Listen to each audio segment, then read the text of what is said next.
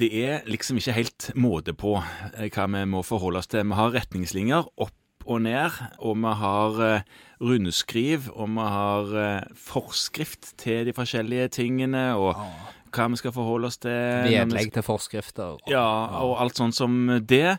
Og så, ikke nok med det, men så kommer òg Fylkesmannen og sier hvordan vi kanskje kan ha misoppfatta forskriftene og retningslinjene, og hva som egentlig var tenkt at det var meint at man skulle gjøre. Hva tenker du på nå? Nå tenker på nå, er at vi som iallfall bor på Vestlandet, fikk nylig en eh, mail fra helsesjefen Ja. om en uttalelse fra Fylkesmannen om hvordan man skulle tenke omkring kognitiv vurdering ved førerkortattester til eldre. Ja, Ja, stemmer. Der kom det noe. ja ikke sant? Der kom det en mail. Fikk du den? Ble du, ble du forundra da? Nei, ja, altså, jeg tenker jo at dette er jo ikke så unaturlig at akkurat Fylkesmannen bryr seg om denne typen ting.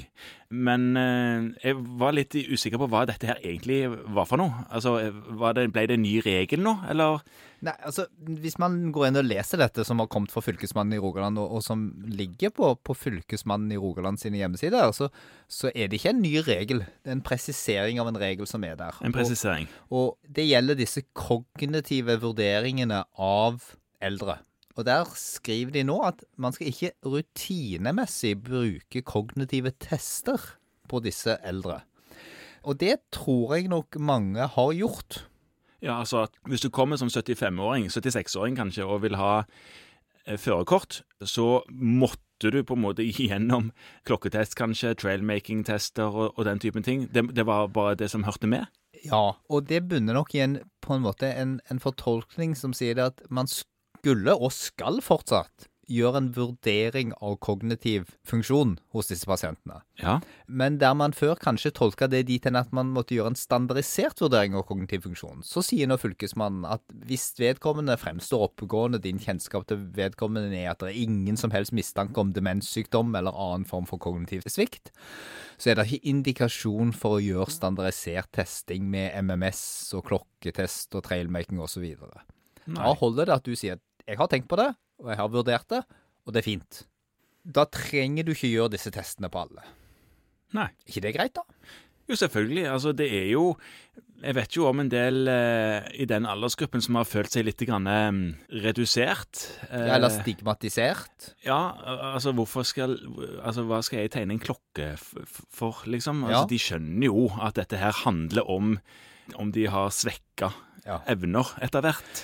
Og, så jeg tenker at dette er en fornuftig og en til dels tidsbesparende presisering for de fleste av oss.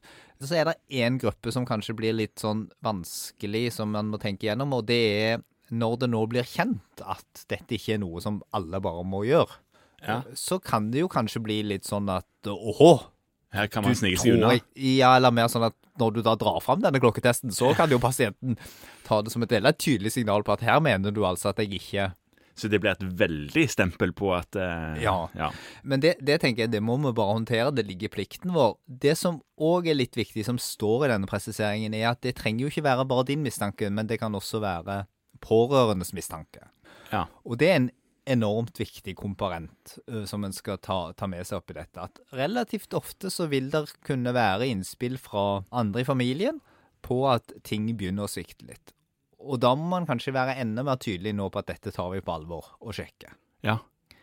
Men jeg tror nok at der belastningen kanskje var stor for en del friske eldre, og den skal man være glad for å ta bort, så kan nok kanskje av og til ubehaget med å ta dette opp for den enkelte fastlege bli litt større, når en nå må gjøre det på streng indikasjon, ikke lenger kan gjemme seg bak at dette er noe vi gjør med alle. Ja, det er jo noen ganger behagelig å si at sånn er det bare. Det er en regel jeg må følge. Ja. Ja. Så her må vi ta litt mer ansvar og gire opp, men i snitt så vil vi jo bruke mindre tid på disse. For det, jeg tenker at flertallet av de er jo ganske godt fungerende. Ikke sant? Og så er det jo eh, i utgangspunktet iallfall en jobb en bare gjør én gang. Det å ta et førerkort vekk fra en. Ja, det kan du godt si. De klager jo litt, da, så det kan godt være du må fylle det ut på nytt. Ja, det kan så det. men men det holder med den ene gangen. Og kanskje eh, i noen tilfeller så har jeg jo òg opplevd at du slipper å gjøre noe mer for den pasienten òg, for de finner seg en ny lege da. Ja.